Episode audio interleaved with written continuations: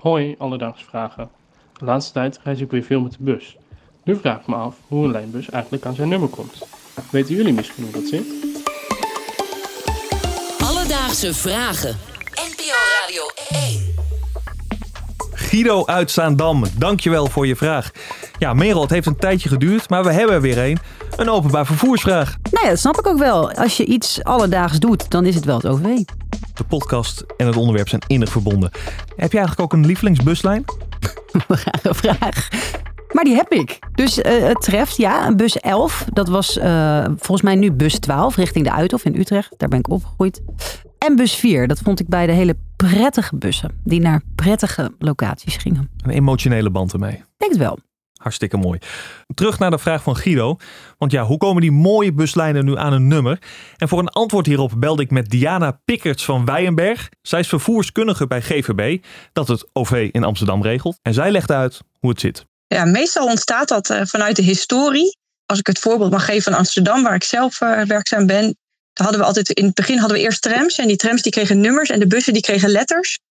En eh, vervolgens werden de, ja, de bussen omgenummerd eigenlijk. En waren de lage nummers al vergeven. Krijgen bussen andere nummers.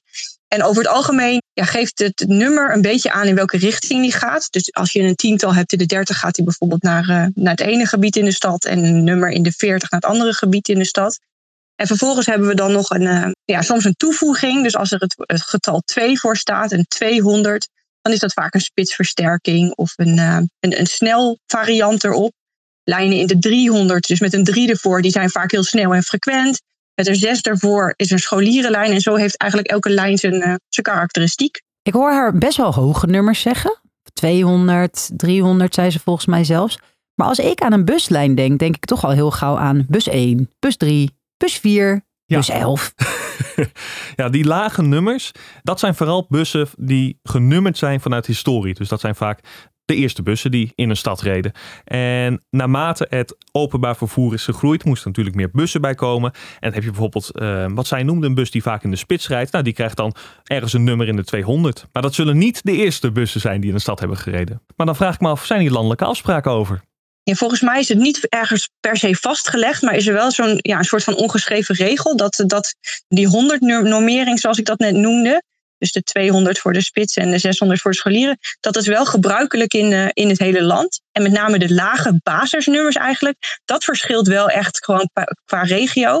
Maar er worden wel afspraken over gemaakt, zodat een, bijvoorbeeld niet een lijn 80 is die van, weet ik veel, van Amsterdam naar Haarlem rijdt, terwijl er ook in, in Haarlem al een andere lijn 80 rondrijdt. Dus je, ja, daar moeten onderling wel afspraken over gemaakt worden dat, eh, dat het helder blijft. Dat laatste vond ik erg verhelderend. Ja, hè? Ja, dat was toch de eerste vraag die ik meteen had. Van ja, maar je wil niet eh, twee bussen 80 hebben, toch? Nee, nee dat is, eh, daar wordt goed over nagedacht. En ook over andere situaties wordt goed nagedacht. Bijvoorbeeld deze. Ja, als twee lijnen dezelfde kant op gaat, wil je dat ze ja, ook niet te veel op elkaar lijken. Dus als je lijn 21 en 22 dezelfde kant op stuurt, dan is het voor mensen die bijvoorbeeld niet zo goed kunnen zien, ja, niet heel goed duidelijk of, ja, wat nou het verschil is tussen de twee. En er zijn natuurlijk wat, ehm, ja, wat dingen die wat gevoeliger liggen. Ehm, zo hebben we ooit een, ehm, een tramlijn gehad in Amsterdam waar in de Tweede Wereld- Wereldoorlog mensen mee vervoerd werden. Nou, dat lijnnummer dat gebruiken we gewoon niet meer in Amsterdam, omdat dat eh, tot, ja, tot emoties leidt bij, nou ja, bij groepen die daar nog steeds last van hebben. Wat was dat lijnnummer? Tramlijn 8. Alledaagse vragen. Merel, wij waren deze aflevering aan het voorbereiden. En toen kwam jij ineens met nog een busgerelateerde vraag. Ja, je kan wel zien waar mijn liefde voor bussen vandaan komt. Uit mijn hart. Eh, ja, ik vraag me namelijk heel vaak af als ik in de bus zit.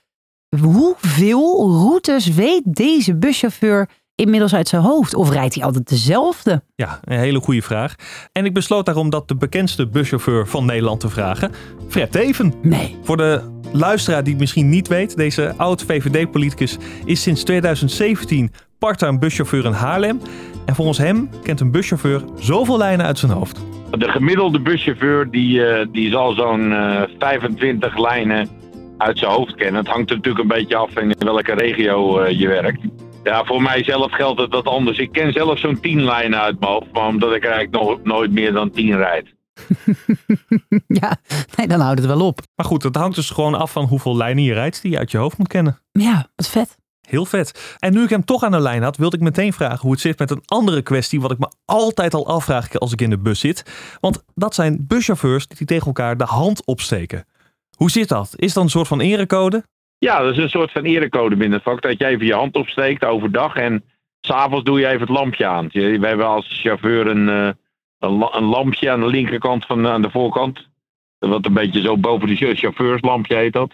En daarmee eh, groet je elkaar. Dat doe je in het donker doe je dat even aan en uit. Dan zie je de hand niet, maar dan zie je het lampje aan en uit gaan. Nou, dat vind ik erg grappig om te weten. Want ik zie ze wel vaak inderdaad even die hand opsteken. Maar dat van het lampje, dat is mij in al mijn busliefde nog niet opgevallen. Mij ook niet. Dankjewel, Fred Teven. Dus Guido, om antwoord te geven op je vraag hoe komen bussen aan hun lijnnummer? Volgens Diana heeft dit grotendeels te maken met historie, maar ook met het soort bus dat het is. En hierbij geldt vooral dat lage nummers bepaald zijn door de geschiedenis en nummers in de 100 zeggen meer over het soort bus dat het is. Heb jij ook een vraag? Stuur ons dan een berichtje op Instagram. Dat kan naar Alledaagse Vragen. Of stuur een mailtje naar alledaagsevragen.radio1.nl en dan zoeken we het voor je uit. En Merel, wat kunnen ze nog meer doen? Naar onze socials komen kijken en vijf sterren achterlaten. Als je eh, luistert naar ons. Alledaagse vragen. NPO Radio 1. BNN Vara.